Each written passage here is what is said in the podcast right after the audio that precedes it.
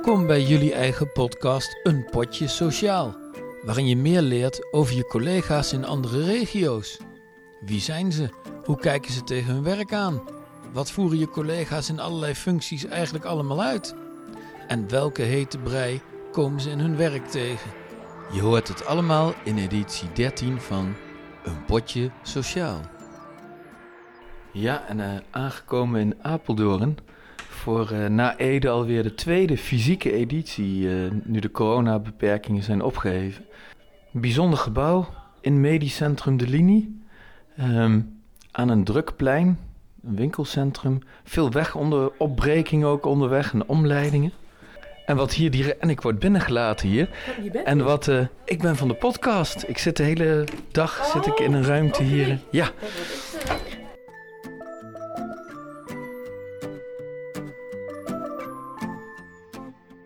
Wat meteen opvalt is dat het hier uh, druk is, geroezemoes, overal bedrijvigheid. Vloerbedekkingen, een korte gang met aan weerskanten overal kamers. Ik loop 10 meter vooruit en kom meteen terecht bij de koffieautomaat. En ik zie ook direct aan het einde van de gang mijn kamer voor vandaag. 1.05. En allerlei posters, glitter en glamour voor een personeelsfeest. Ik ga aan de slag.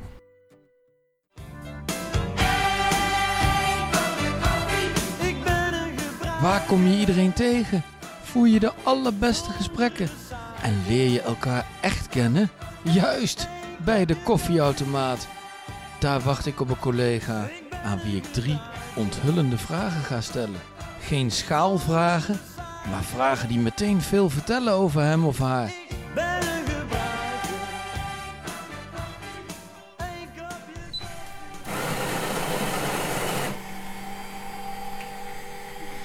Nou, de koffie loopt. En uh, dat betekent dat ik eens even iemand drie vragen ga stellen bij het koffieautomaat.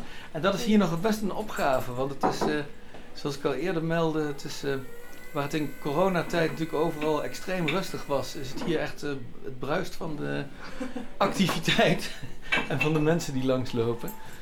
Um, het maakt deze rubriek wel weer makkelijker, want hier is gewoon iemand bij de koffieautomaat beland. En mag ik jou vragen, wie ben jij? Ik ben uh, Mark van Bezooien. Ah, Mark. Hey Mark, mag ik jou een paar vragen stellen die, uh, waardoor de luisteraars jou binnen een paar minuten beter leren kennen? Zeker. Uh, nou, het gaat als volgt. Er is een lijst met 34 nummers. En jij kiest er gewoon drie keer eentje. Dus wat is het eerste getal? 15. Ah, dat is meteen een diepgaande. Ja. welke van jouw eigenschappen vind jij zelf de meest uitgesproken? Uh, perfectionistisch. Oeh, en dat, dat heeft altijd twee kanten. Dat kan namelijk heel positief zijn, maar het, het kan je ook nog wel eens in de weg zitten. Ja. Uh, helpt het bij jou meer naar de een dan naar de andere kant door, of valt het allemaal wel mee? Ja, dat is een hele goede vraag. Um, ja, het kan me ook wel in de weg zitten. Het kan me een hoop werk opleveren, maar het brengt ook wel mooie dingen. Ja, daar soms, soms een plan uh, goed duidelijk op te stellen, waardoor meteen duidelijk is van oké, okay, zo gaan we het doen. Maar anderzijds, en dan beantwoord ik eigenlijk meteen de andere die eronder ligt, denk ik. Uh, dat, uh, uh, dat ook weer mij meer tijd kost, die ik eigenlijk niet heb. En ja, dan kan je daarin doorslaan. Ja. Ja, je kan niet alles 100% zo doen aan de norm waar ik aan wil voldoen, door gewoon de drukte. Ja, en ja. Nou, dan mag je dat weer bijschaven. Ja. ja. Hey, het tweede nummer. Nou, doe maar dubbele, 30. 30. Nou, dit is wel een bijzondere. Hij is ook nog nooit geweest. Welke gebeurtenis in de militaire geschiedenis bewonder je het meest? Oh jee, oh jee. We kunnen ook het militaire eraf laten. Dan, dan komen we bij een, een gebeurtenis in de geschiedenis waar, waar jij... Kijk, ik ben van 87. Dus uh, eh, 2001 was voor mij een uh, moment. Er waren, ja, denk ik, twee dingen die toen gebeurden. En de euro kwam. En uh, het World Trade Center stortte in, beide torens. En die, die staan mij beide wel heel erg bij.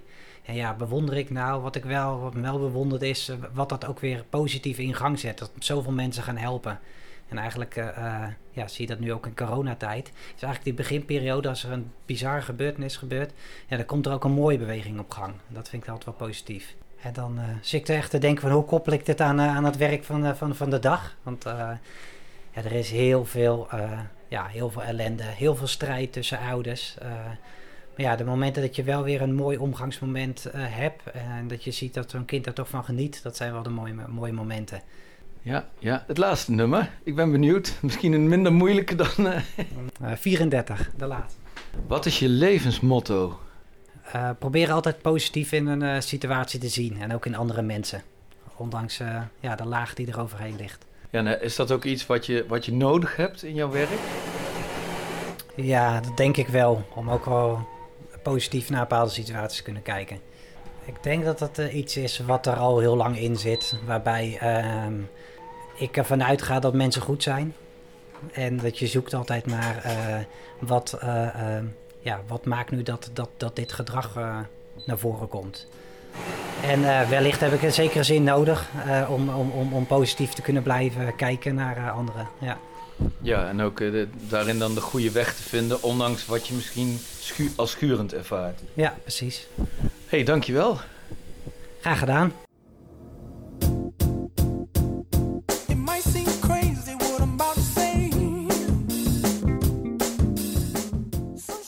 deze podcast draaien we niet om de hete brei heen en bespreken we wat besproken moet worden. Want als we met z'n allen de hete brei kunnen omarmen, ligt de weg open om samen weer helemaal happy te kunnen zijn.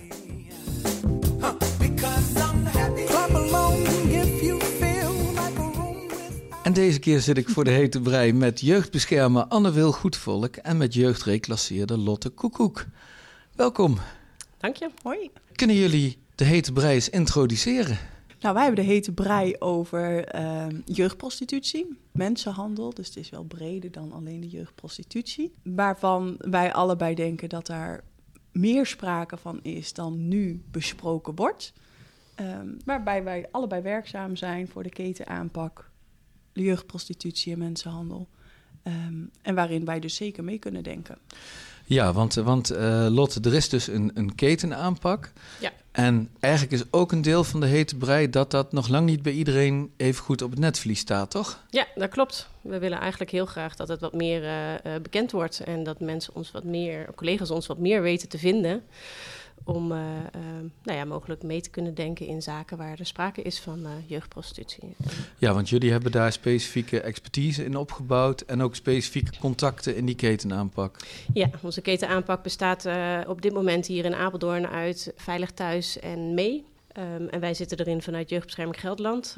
Oh ja, en er komt er eentje van Stimens, komt er ook nog oh ja. iemand bij. Ja.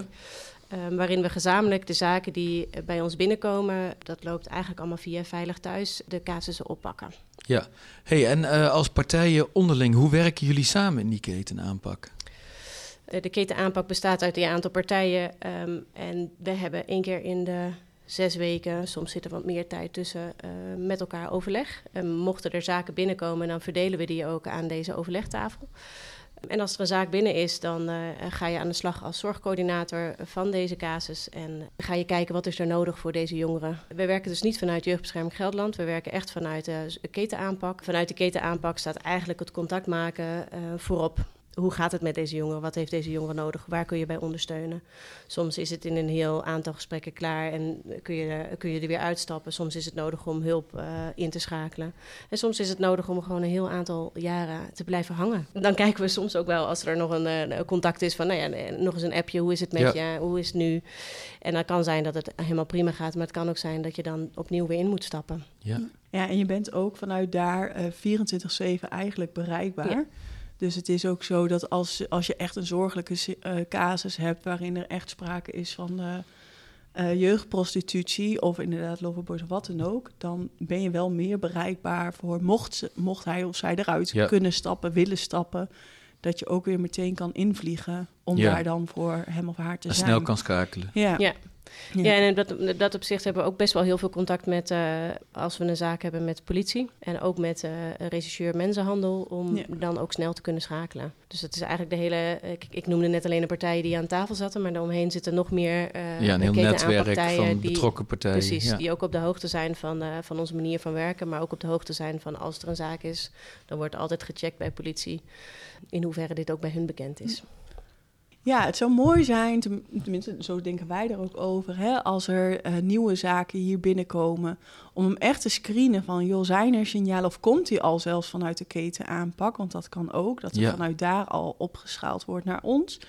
Uh, maar ook zijn er vanuit daar al signalen die kunnen duiden op jeugdprostitutie, mensenhandel, waarin wij geconsulteerd kunnen worden van, hey, kennen jullie al deze zaak of willen jullie meedenken in deze zaak?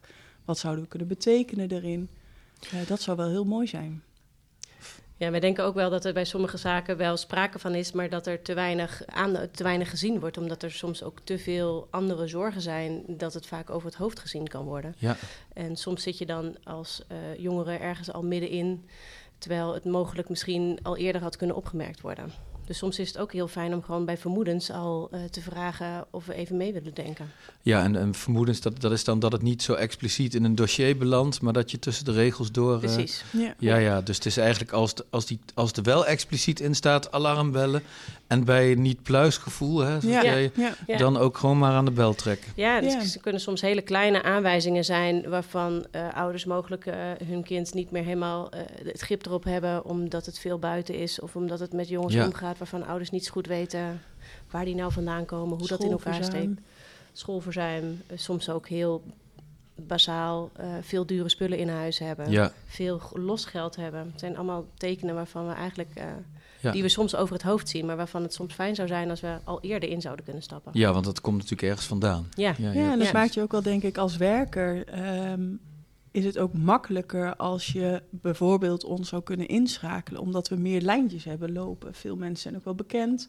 Ja. eh, dat je daarin veel sneller kan schakelen dan als je dit alleen moet gaan uitzoeken. Van is hier Ja. nu sprake van of niet? Ja, precies. Dat zou dus de versnelling zijn in het werk van Ja. jullie collega's. En daarmee zou ook de manier waarop je dan samen die, dat dossier kan oppakken aan kwaliteit winnen. ja, Ja, dat denk ik ja. zeker, ja. Nou, resumerend dus, de hete brei is dat, dat collega's jullie eigenlijk nog meer zouden kunnen benutten dan nu het geval is. En jullie zijn happy als dat dus ook daadwerkelijk vaker gaat gebeuren. Zeker, Zeker, ja. Dank jullie wel. Iedere editie stap ik op iemand af met maar één nieuwsgierige vraag.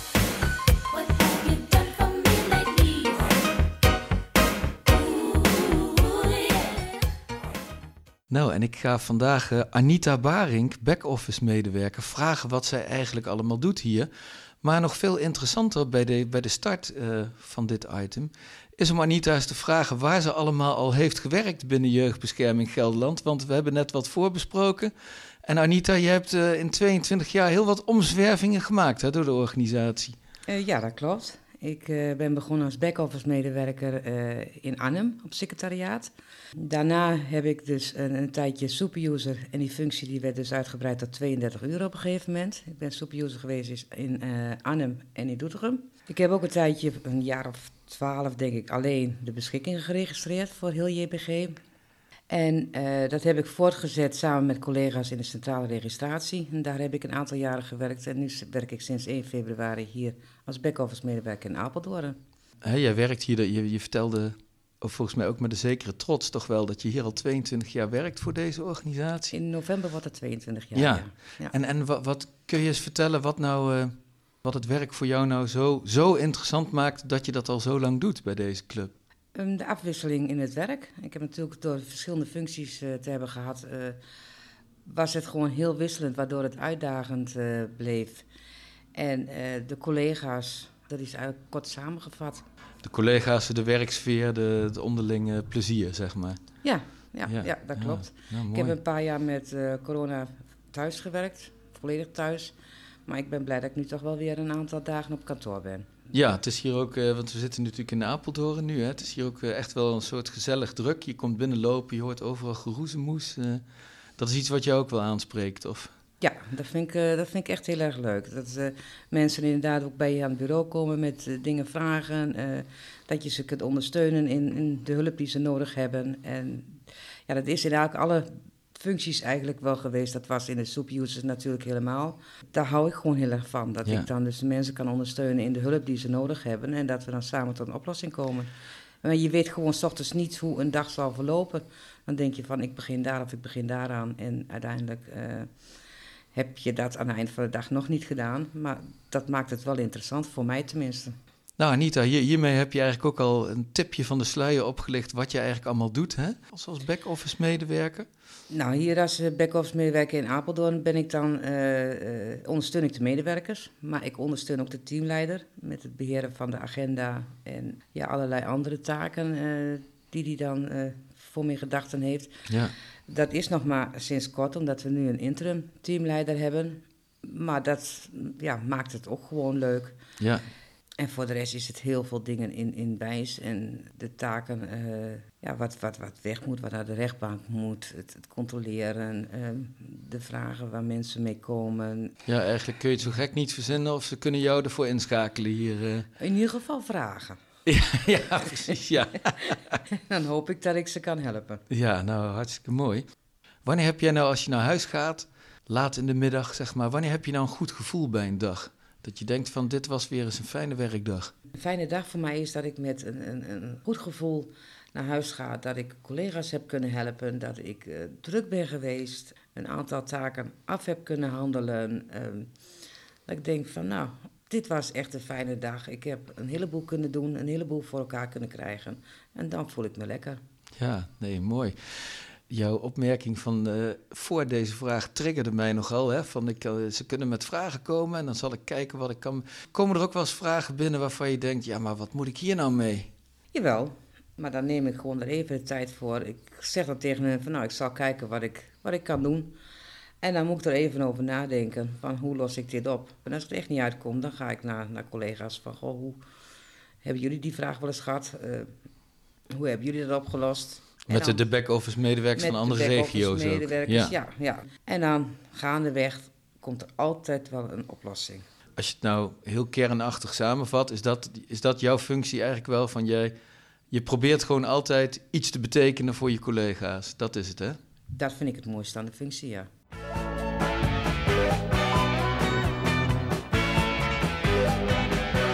Mijn moeder werkte altijd met hart en ziel in de mode. Als zij naar huis reed, liet ze haar werk letterlijk en figuurlijk achter. Maar hoe is dat als je voor Jeugdbescherming Gelderland werkt? Welke functie heeft de autorit naar huis voor jou? Wat doe of luister je onderweg? Welke gedachten reizen er mee? En hoe stap je de auto uiteindelijk uit? Er zit iemand in de driver's seat, op weg naar huis. En ik rij mee.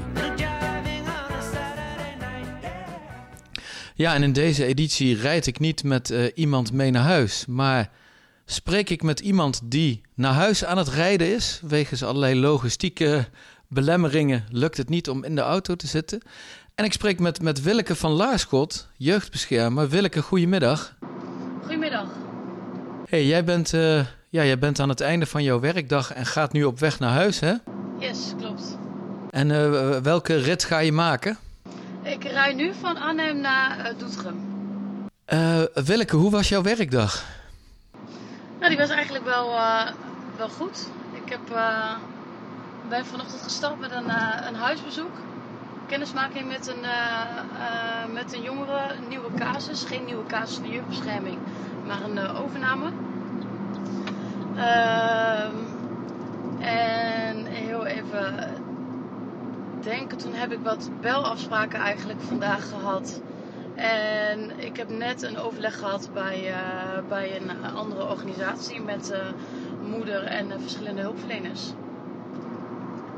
hey, en ehm, ja, je zit nu, nu, nu in jouw auto. Kun je eens even jouw auto beschrijven? Want wij kunnen hem hier natuurlijk niet zien. De luisteraars al helemaal niet, maar ik ook niet. Nou, ik, heb, ik rij nu in de Fiat 500 en hij is opgeruimd eigenlijk zoals altijd. en mijn eh, tele- telefoon is altijd of in ieder geval aangesloten op, eh, op de auto, zodat ik altijd eh, handsfree kan bellen natuurlijk. Hè? Ja, ik, vind, ik vind dat echt zo bijzonder. Maar ik, ik heb dus een aantal ritten gemaakt hè, met, met collega's. Nu dan niet, maar spreek ik jou. En altijd zijn die auto's zo enorm opgeruimd. Be- betekent dat iets? Nee, ik denk als ik. ik zou je zeggen dat ik eigenlijk nooit deze auto schoonmaak. Maar ik heb een. Mijn, eh, mijn vriend is echt een autoliefhebber. Dus die, eh, die zorgt er altijd voor dat hij eh, schoon en netjes is. Ja, dat is, eh, dat is de. Beetje de taakverdeling, zeg maar. Je werkt in Apeldoorn en jouw eh, autorit gaat naar Doetinchem. Dat is volgens mij best een ritje. Hè? Heeft die autorit voor jou een functie? Nou ja, op zich ehm, ben ik eigenlijk altijd wel in de auto nog wel aan het bellen. Ja, niet altijd, maar vaak nog wel wat, eh, wat afrondende telefoontjes. Maar eigenlijk ook probeer ik wel, ehm, tenzij het zeg maar niet lukt. Maar ik probeer ook wel even een moment zeg maar dat het op een gegeven moment eh, gewoon lekker muziekje aan of een podca- podcast aan om eh, even los te komen van het werk. Zodat ik als ik thuis ben, dat ik dan ook echt wel thuis ben. Ja, en, en, en, en lukt dat over het algemeen? Ja, meestal, meestal eigenlijk wel. Maar ik moet zeggen, in, eh, rondom het stukje zeg maar eh, thuiswerken, dan ben je toch wel wat meer ook thuis aan het werken. En dan plan ik het soms ook nog wel eens dat ik dan thuis nog wat dingetjes moet afronden. Dat maakt dan dat je niet altijd een hele dag meer op kantoor bent. Maar anders op het moment dat ik zoals nu eh, ben ik wel een hele dag op pad geweest, dan zorg ik wel dat het thuis gewoon klaar is. En zou je nou zeggen dat jij over het algemeen toch wel redelijk opgeruimd ook in jouw auto zit? Of, of is het toch vaker het geval dat je, ja, dat je in je hoofd toch nog even iets een plekje moet geven? Nee, eigenlijk zit ik best wel eh, opgeruimd eh, in mijn auto en ook wel opgeruimd in mijn hoofd. En natuurlijk maken het nog wel eens zeg maar, situaties waar je wel nog over nadenkt of zo. En dat is ook denk ik heel gezond. En die kan ik wel eigenlijk wel vrij gauw een eh, plekje geven. En heel af en toe dat ik er thuis nog wel eens over spreek, maar dat komt eigenlijk zo min mogelijk voor. Nou, is, is, is dat een bewuste keuze of is dat gewoon omdat het niet hoeft? Nee, ja, eigenlijk omdat het niet hoeft. Ook wel ergens een bewuste keuze, omdat mijn eh, vriend wel eh, ongeveer hetzelfde, hetzelfde werkveld werkt. Dus dan is het valken al wel gauw dat je het thuis gaat hebben over het werk. Dus dat wil ik eigenlijk liefst eh, zo min mogelijk. hey, en nou, het is eigenlijk wel, wel heel mooi dat, jij, dat, je, dat, dat je niet alleen in een opgeruimde auto zit, maar ook opgeruimd in de auto zit vaak. Zijn er dingen die jij in dat opzicht kan meegeven aan, aan collega's die dat bijvoorbeeld moeilijker afgaat? Ja, als eerste zou ik zeggen sporten. Dat is wel iets wat ik eh, veel en eh, eh, heel graag doe. En ik denk dat dat ook wel helpt dat ik goed in mijn energie zit en goed in mijn hoofd. Ja, ik vind misschien een beetje, ja, ook wel de ervaring denk ik die je hebt wel zeg maar in, in het stukje jeugdzorgwerk dat je eh, wel hebt geleerd om met bepaalde hectiek om te gaan. En dat het allemaal niet meer zo hard binnenkomt denk ik als hoe je helemaal in het begin staat in je werk. En eh, ik ben wel eigenlijk wel gewoon een, een zou, ik, ik het zeggen? Ja, gewoon een, nuchtere boerin. Die eh, eigenlijk eh, gewoon niet, eh, ja, eigenlijk wel gewoon nuchter, nuchter er overal in staat. En niet zo, eh, me niet zo snel eigenlijk meer laat binnenkomen. En natuurlijk, sommige situaties laat hij wel binnen als, als je emotioneel ook betrokken bent. Maar dat is niet zo snel in casussen. Dat zou ik dan eerder zeggen als je bijvoorbeeld een situatie hebt met een collega. Natuurlijk zijn er wel momenten geweest dat het niet, dat het niet altijd gaat. En ik denk dat, dat, dat het meeste van ons werk ook bestaat uit, eh, uit reflecteren. En eh, als je dat ook maar doet en er ook over gaat hebben zeg maar, met je collega's... en ook eerlijk blijft naar jezelf en over je gevoel... eh, en dat ook uitspreekt, denk ik dat je al een heel eind komt. Ja, ja. Hey, een heel andere vraag. Wat vind je het allermooiste aan jouw auto? Ik heb een. Hij kan niet open, maar wel een doorzichtig dak. En dat vind ik heel fijn. Bovenkant is gewoon glas. Dus ik heb heel veel licht in de auto en dat vind ik fijn. En wat is, wat is het eerste wat je gaat doen als je thuis bent zometeen? Koken. ja. Ja, dat denk ik wel. Ja, natuurlijk mijn kind knuffelen, maar dat doe ik bij de opvang natuurlijk al. Ja, dan ga ik thuis koken. Een couscous salade. Uit mijn hoofd. Dacht ik, ja. Ik ben heel plannerig, dus ik heb het gewoon in mijn agenda staan hè, voor de hele week. Nou, dan zijn we weer terug bij dat opgeruimde. ja. ja. Hartstikke bedankt voor, eh, nou ja, voor dat, dat we op deze manier toch een beetje in jouw auto mee mochten rijden. En eh, smakelijk eten voor straks. Ja, dankjewel. Jij